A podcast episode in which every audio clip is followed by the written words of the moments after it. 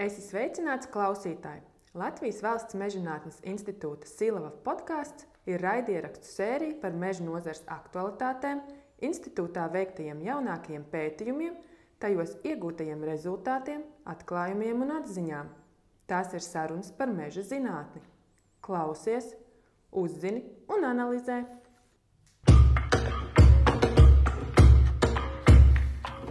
Šajā reizē runāsim par klimata pārmaiņām un to ietekmi uz mežu.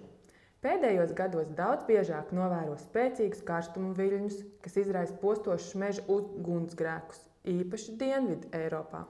Vairākās Eiropas valstīs novēro egļu astoņzobu izgraužu savairošanās uzliesmojumus - Vācijā, Austrijā, tajā skaitā arī Latvijā. Es esmu Laura, un turpmāk sarunāšos ar Silavas vadošo pētnieku Āri Jansonu. Sveiks, Āri! Labdien! Latvijā pēc tiešām karstas vasaras ar ekstrēmi augstām temperatūrām un ilgiem sausuma periodiem, tāpat arī pēc gara un silta rudens, ir uzsnidzis sniegs. Tāpēc varētu šķist, ka klimata pārmaiņas mežā ir ienākušas lēnāk un tas skar mazāk. Pastāst, lūdzu, Āri, kā klimata pārmaiņas ietekmē mežu? Klimata pārmaiņas mežu ietekmē diezgan jūtami, un to mēs eh, vislabāk redzam tajā otrā ziemas pusē, nevis šajā, kur mēs esam šobrīd. Proti, cik agri kaut kādi pasākumi notiek pavasarī, kad kaut kas uzplaukst, kad kaut kas sāk ziedēt. Bet eh, tas ziemas periods ir raksturīgs mežam ar vienu tādu citu aspektu. Proti, ziemas periodā mums lielākoties notiek ciklonu izraisītās vētras, tad plašas vētras, kuras klausītāji visticamāk ir kaut kādos brīžos pamanījuši. Arī tad, ja nav tieši saistīta ar mežu, bet tikai tā garām ejot, ieraugot vai, vai sadzirdot kaut kur masu mēdījos. Un, tām ir raksturīgi, ka šie lielie cikloniskie procesi notiek tieši ziemas periodā. Ja mēs saprotam, ka klimata pārmaiņas, nu, vismaz kamēr neizdosies viņas apturēt, virzās tādā vienā virzienā, kas nozīmē, ka biežāk ir silti. Ko tas nozīmē no vētru viedokļa? Tas nozīmē, ka biežāk tajā laikā, kad uznāk vētra, nav sasalus augsne. Un katram no klausītājiem ir iespēja veikt tādu nelielu eksperimentiņu mājās, iedzīt zemē mietu, tad, kad zeme ir slapja un nesasalusi, un tad pagaidīt, kad viņa sasalst un padomāt, kurā brīdī to mietu ir vieglāk apgāzt. Un tieši tas pats attiecās uz koku tādā nu, trivializētā formā. Proti, ja mēs klimata pārmaiņu ietekmē sagaidām, ka biežāk zeme būs nesasalusi tajā laikā, kad notiek lielās vētras, tad var sagaidīt, ka koki vieglāk padosies šo vētru ietekmē un būs vairāk šo postījumu. Un otrs aspekts, kas arī diemžēl strādā tajā nelabvēlīgajā virzienā, no cilvēka viedokļa, proti, palielinot postījumus mežā, ir tas, ka pēdējos vairākas desmitgades ir novērojama tendence, ka biežāk ir vēji ar augstākiem ātrumiem brāzmās. Piemēram, 2005. gada vētra. Varbūt ir vēl kādas no vēstures lauciņa, ko tu vari pieminēt. Vētras, kas ir nākušas pāri Latviju un nopostījušas mums um, lielas meža platības. Nu, tad vēsturiskās ir 1967. un 69. gads, un tad 2005. tās ir apmēram tāda viena apjoma. Un tad pa starp, protams, ir bijušas ļoti daudz pēdējā desmitgadē. Gandrīz katru gadu var saskaitīt, kad kaut kas drusku mazāks ir bijis nogāzts. Un, ja tā skatās pēc statistikas, pēc klimata, tad tā vētrai, kas bija 69 Viņai vajadzētu būt ar atkārtošanos varbūtību reizes 200 gados. Reku mēs jau dabūjām 2005. nākošo. 50, uh, tā kā ne, neizvilka visas tās 200. Protams, ka tā jau tā matemātika tieši nedarbojas. Varbūtība reizes 200 gados nenozīmē, ka tam jānotiek ik pa 200 gadiem. Bet tomēr, zinām, tendence tas arī iezīmē, ka mēs jau tik lielu mēroga vētras piedzīvojām ar relatīvi īsu to laiku sprīdi starp viņām. Domājot uz priekšu, ja mums ir uh, stiprākas vētras un arī siltākas ziemas paliek, tad kā tas ietekmēs uh, pašu koku, viņa spēju varbūt uh, pielāgoties šīm klimata pārmaiņām un ar to sadzīvot. Es zinu, ka bija pētījums par, par vēju bojājumiem, un varbūt var pastāstīt vairāk par šo interesanto pētījumu. Jā, tas, ko mēs esam institūtā analizējuši, principā ir koku vēja noturība. Un analizējuši diezgan tādā interesantā veidā nav pārāk daudz šādu analīžu. Vispār Eiropas mērogā kopumā, proti, tiešām mēģinot to koku apgāzt, kontrolēti un mērot spēku, kāds ir jāpieliek, lai tas koks apgāstos. Nu, vai arī attiecīgi nolūst, kas nu iestājās pirmais. Un, kā jūs varat saprast, tad šādu darbu nevar izdarīt sežot pie galda. Un viss, ko nevar izdarīt, sēžot pie galda, Rietumē Eiropā nav pārāk interesanti. Tam mēs vēl esam kā tādi mohikāņi, kam patīk iesprukt mežā un, un apgāzt kādu koku. Un, um, to mēs arī esam darījuši dažādu koku sugu audzēs, mežos ar dažādu augsni, gan kūdras, jeb organisku augsni, gan, gan minerālu augsni, sasalušā stāvoklī, nesasalušā stāvoklī, mēģinot saprast, kas tad ir tie nozīmīgākie faktori un kā tad šie bojājumi notiek. Un um, viens tāds aspekts, kas ir svarīgs, ir, ka vētras ietekmē veidojās tā saucamie primārie un sekundārie bojājumi. Tādu sekundāro bojājumu tādā cilvēciskā valodā tas ir tas, ko mēs visi redzam. Vai nu tas koks ir nolūzis, vai nu viņš ir apgāzies. Tas ir uzreiz redzams. Vai tas primārais bojājums ir tas brīdis, kurā kokam tiek neatgriezeniski bojāts šķiedrs, tad kaut kādi plīsumi notiek viņā iekšā, bet uz ārā nekas nav redzams. Un kādēļ tas, tā, tas pirmais aspekts arī ir svarīgs, ja tas primārais bojājums ir svarīgs tādēļ, ka šāds novājināts koks tālāk ir vairāk pakļauts citām negatīvām ietekmēm, piemēram, tam pašam sausumam, jo viņam ir kavēta sulu plūsma tāpēc, ka tās šķiedras ir bojātas vai nu saknēs, vai visbiežāk tas ir eh, sakņu kakla augstumā vai pašās saknēs. Tātad šī sula plūsma ir kavēta, un, ja tāpat ir sausa, tad viņam iet daudz grūtāk. Tieši tāpat, ja ir kavēta sula plūsma, tad ir kavēta arī koka spēja pretoties dažādām ārējām ietekmēm, tā skaitā tam pašam jau pieminētajam izgrauzim. Jo vienīgais mehānisms, kā koks ar viņu var cīnīties, ir noslīcinot sveķos. Bet, ja nenāk to sveķu klāt pietiekami daudz, tad nekas tur nesanāk ar šo padarīšanu. Tad, kad mums ir tāda čūpiņa datu gan par tiem primārajiem, gan, gan tad, tad sekundārajiem bojājumiem, proti, kādu spēku būtu jāpieliek, lai koks tādos vai citādos apstākļos iegūtu šos bojājumus, tad tālāk jau šo informāciju var izmantot modelēšanā un liekot kopā ar jau iepriekš aprunātajām klimata pārmaiņu prognozēm, mēģināt saprast, kā kuras audzes ietekmēs. Un tad tas nākošais solis, protams, kas mūs visus interesē, kā lietišķo pētījumu dalībniekus, nevis fundamentālo, ir, a, ko tad tagad darīt?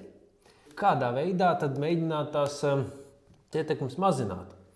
Ja es kā meža īpašnieks pēc vētras uh, ieeju savā mežā un, un staigāju un skatos un, un saprotu, ka izskatās, ka kokam viss ir kārtībā, Protams, ja tur ir šķiedras eh, saplēstas, to mēs ar aci visdrīzāk neredzam.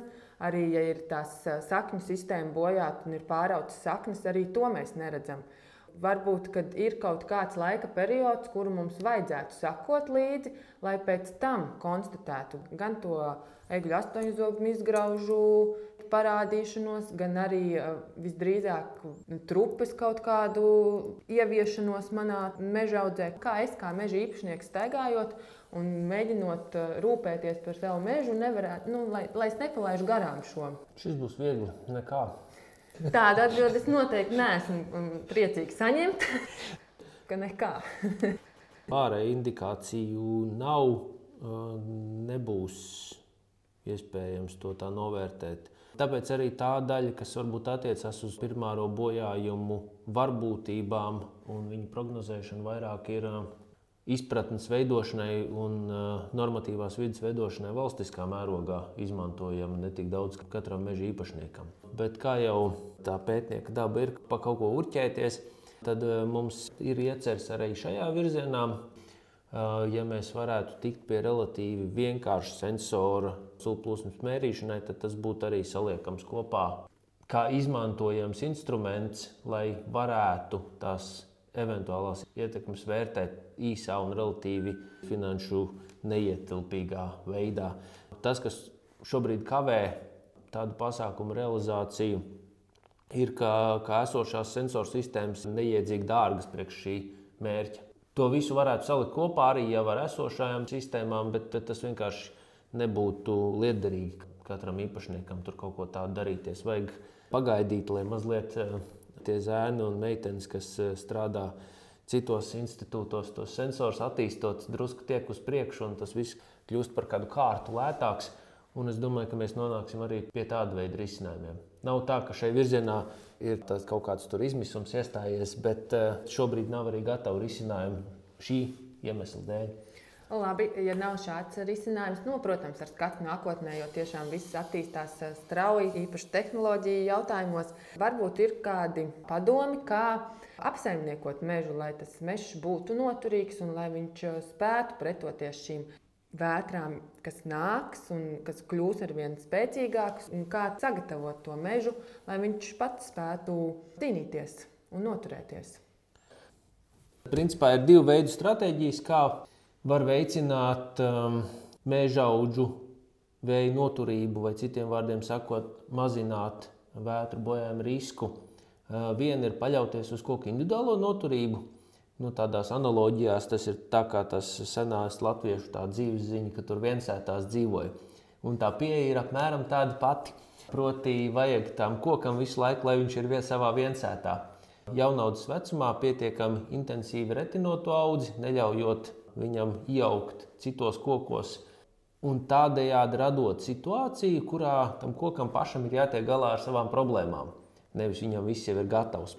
Šādā situācijā arī tādi mazi vējiņi viņu stipri šūpos, un tas eh, koks sapratīs, ka viņam ir jāiegulda daļa no savas sarežģītās organiskās vielas, no sava resursa. Viņam ir jāiegulda, lai turētos pretī šai vēja iedarbībai. Un kā jau katra lieta, ko trenē, vai tas ir koks vai cilvēks, tā jau beig beigās uztrenējās. Tieši tāpat ir arī ar vēja noturību. Tā vēja noturība aiziet uz augšu. Un tad, kad koks ir sasnieguši jau kaut kādu 11, 12 metru augstumu, tajā brīdī vajadzētu rēķināties ar visticamāk vienīgo retināšanu, un tad tālāk jau ar saimniekošanu pēc mērķa caurmēra, kas šādi kopjot jaunaudzes arī nebūtu pārāk grūti sasniedzams un tātad nepārāk garu aprits ciklu. Un, uh, aprits cikla garums šī gadījumā ir um, nozīmīgs faktors, jo vētra ir kaut kāds notikums ar varbūtību. Nu, viņi var iestāties, var neiestāties tajā konkrētajā punktā, kas ir tā jūsu mežaudze. Jo garāku posmu tā mežaudze ir tajā konkrētajā punktā, jo lielāka tā kumulatīvā varbūtība, ka beig beigās kaut kas tur arī notiks. Tā ir tā, tā viena pieeja, kā var darīt. Otra pieeja ir pilnīgi otrādi. Proti, paļauties uz kolektīvo vēju noturību. Tātad, kad tie koki paļaujas viens uz otru un audze funkcionē kā vienota sistēma un pretojas vējam kā vienota sistēma. Un tas nekas, ka katrs koks ir drusku mazāk noturīgs, ja viņam ir uz ko pieslieties turpat blakus kaimiņš, eh, tad arī nemaz tik vienkārši tā bojājumi nenotiek. Šajā pieejā tā vājā vieta ir tāda, ka kaut kādā brīdī jau īpašnieks vēlēsies veikt to retināšanu, un tad ir posms, apmēram 5 gadi, kurā audzē ir īpaši vēja nenoturīga. Un, ja tajā trāpīs, tad ar to pašu arī noslēdzās tas audzes aprits cikls stipri ātrāk nekā tas saimnieks varētu būt gribējis. Tad, ja vētras varbūtība iestājas šajos piecos gados, tad uh, varbūtība, ka viņu nopūtas, ir, ir ļoti augsta. Jā, ir ļoti, ir ļoti augsta, jo tie koki ir nenoturīgi. Ir auguši nenoturīgi un nav arī paspējuši vēl saprast, ka tā dzīve ir ļoti strauji mainījusies un ka tagad vajadzēs kaut kā pret to vēju cīnīties. Koks jau savā būtībā, nu, viņam ir tas resurss, kā valsts budžets, nu, kur ir jādala. Nu, Viņam ir jāizdomā, kur visvairāk to naudu likt iekšā, kas šī gadījumā ir tā sarežģītā organiskā viela. Jo visam nepietiek. Nu, skolotājiem vajag, ārstiem vajag, tur ugunsdzēsējiem vajag, bet visiem nepietiek. Un šī gadījumā arī viņam ir jāskatās, kas ir tas primārais apdraudējums. Jo koku mērķis principā ir izdzīvot un atstāt pēcnācējus. Kas ir primārais apdraudējums? Ja viņš atrodas tādā biezā audzē, nu, tur kaimiņi visapkārt, vējš viņu pārāk nešūpo, tad primārais mērķis, kur visvairāk vajag tos līdzekļus ieguldīt, ir tikt tiem pārējiem uz galvas. Nu, tad, tad ieguldīt augšanā. Caurmērs nav tik svarīgs, nekāda šūpošana tur nenotiek. Galvenais ir tikt tiem pārējiem uz galvas. Nu, tad, tad, viņš jau, iz, tad viņš tad zaudē saknes, un viņš arī izstīdzē. Savukārt, ja tā situācija ir atšķirīga, proti, ja viņam ir daudz vietas, Tad viņš saprot, neviens cits uz galvas taisni neuzkāps, bet kas tad ir? Man diezgan stipri šūpo, nu, tur kaut ko vajag darīt. Nu, tas resurss ir jāgulda, lai es varētu turēties pretī tai šūpošanai, jo tā gan izskatās bīstami. Tā, tā, tā, tas, tā tas balanss darbojās. Nedaudz tikai pieskārāmies, bet varbūt varam atgriezties un, un var vairāk pastāstīt, kādas ir atšķirības starp vēja noturību mežaudzēs ar minerālu augsnēm un mežaudzēs ar uh, organiskām augsnēm, jeb kūdras augsnēm, jo Visdrīzāk tā šūpošanās šajo, šajās audzēs ir atšķirīga. Kādas ir tās gūtās atziņas?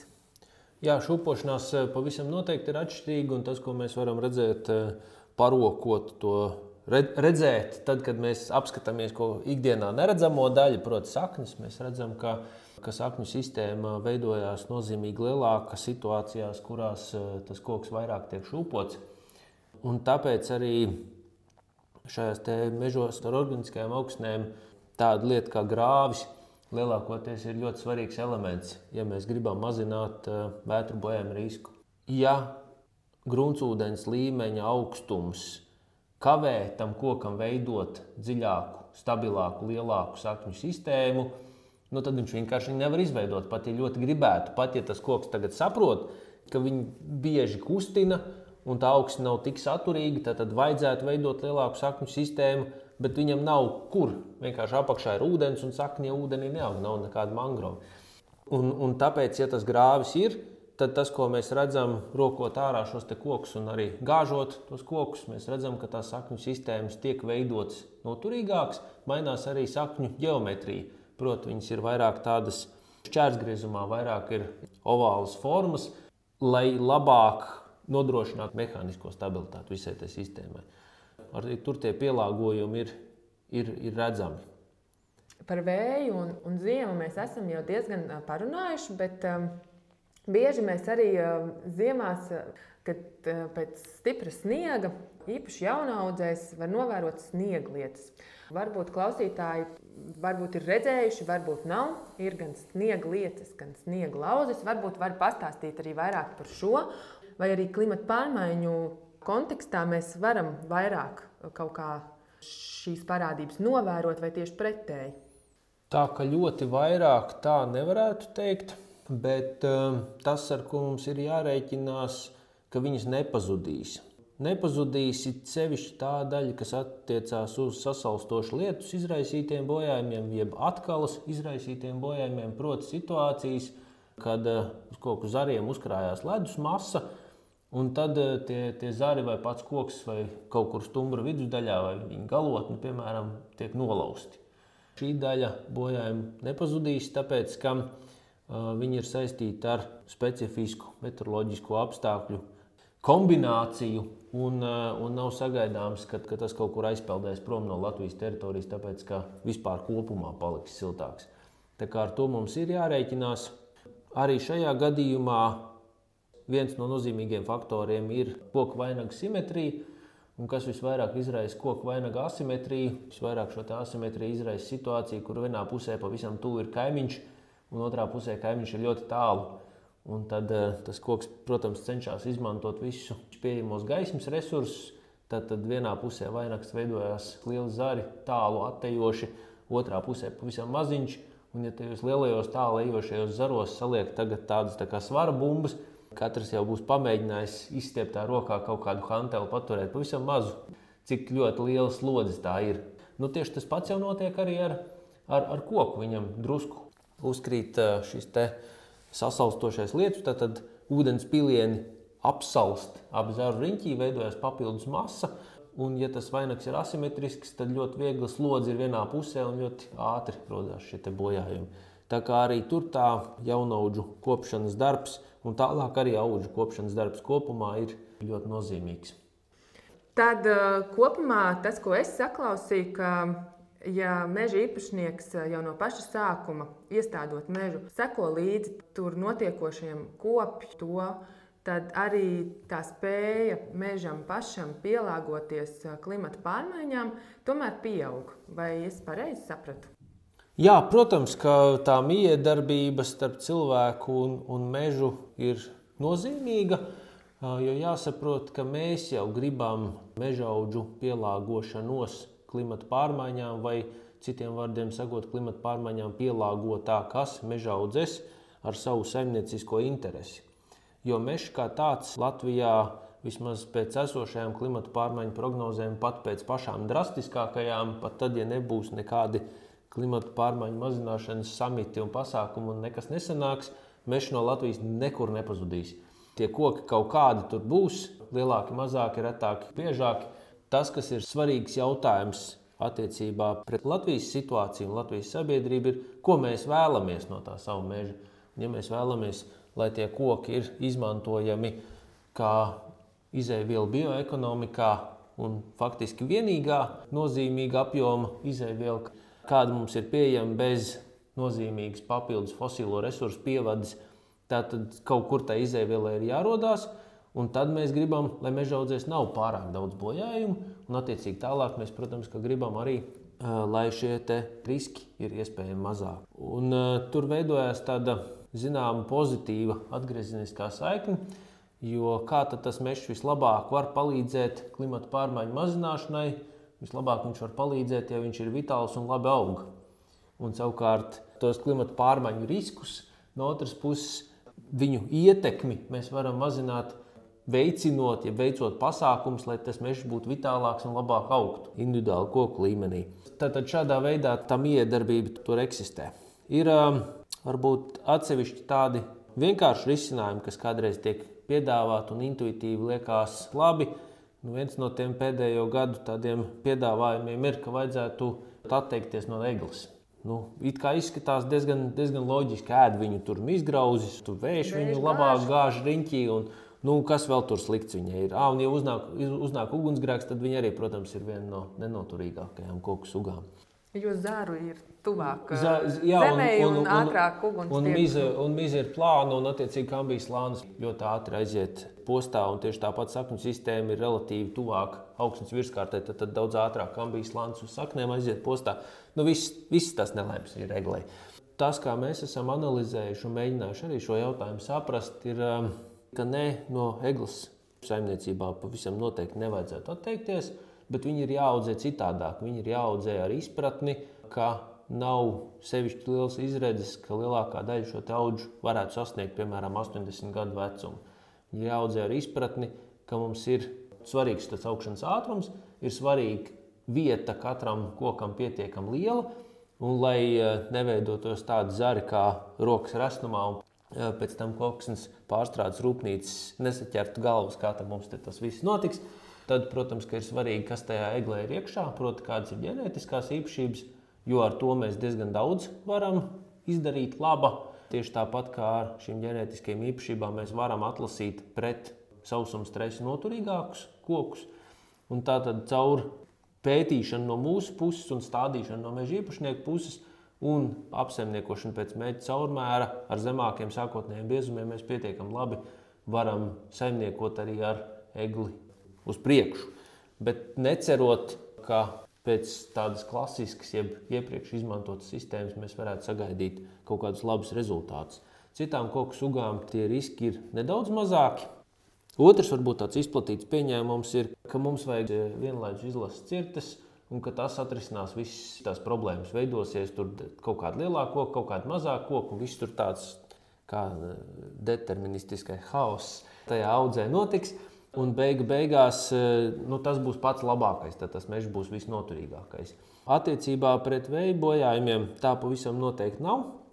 Tas, ko mēs esam konstatējuši savos pētījumos, un mazliet ir par šiem jautājumiem arī literatūra, nepārāk daudz, tāpēc arī mēs esam veikuši tos mērījumus mežos paši, ka šādās te audzēs vētrai notiekot lielākie koki, proti, tie, kas ir tie mērķi koki šādā saimniekošanas sistēmā, ir pakļauti nozīmīgākām slodzēm un ir lielāka varbūtība, ka viņus nolauzīs vai izgāzīs ar saknēm. Pat neatkarīgi no sugas, piemēram, salīdzinot apsis un bērnus vai salīdzinot bērnus un eglis. Tie, kas ir pa virsmu, kas ir palikuši kā lielākie, pat tad, ja pēc sugas viņi izklausītos, ja būtu vēja noturīgāk, tad šī izmēru diference nosaka to, ka viņi eh, vairāk cieši vētru ietekmē.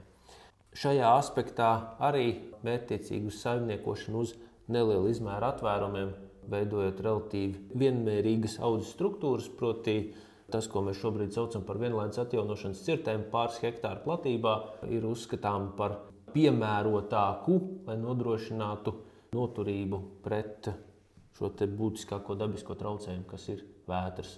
Latvijas apstākļos. Ja. Paldies! Arī ļoti daudz un dažādi aspekti, kaut arī mēs sākām runāt par klimatu pārmaiņām mežā, īpaši ziemā, vētru ietekmi. Mēs daudz arī pieskārāmies visādām blakus tēmām, tāpat ir meža selekcija, kad arī tā ir ietekme un kā mēs to varam ņemt vērā, un arī paši mežsaimniecības pasākumi. Un tas jau vien apliecina, cik plašs un, un tā teikt. Komplicēts ir šis viss kopums, kā mežs un meža saimniecība var pielāgoties klimata pārmaiņām un kā mēs ar to varam turpināt arī strādāt un arī pētījumi šajā lauciņā. Man ir bail te jautāt, kas tagad tiek pētīts un, un kas tagad ir pats aktuālākais. Kādus jautājumus Silo šobrīd pēta, jo man liekas, ka tad mēs varētu sākt vēl vienu sēriju un runāt uh, vēl dziļāk un tālāk. Tāpēc es uh, droši vien šajā reizē gribētu likt arī punktu ar domu, ka mēs varbūt tiekamies kādā citā sērijā un parunājam par, par kādu citu aspektu. Paldies, Vāri, par šīs dienas sarunu un uz tikšanos mežā. Paldies!